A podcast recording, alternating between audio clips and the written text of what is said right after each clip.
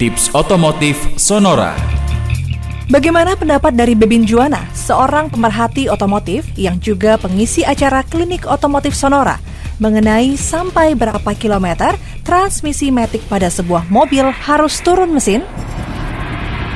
Tidak ada patokannya.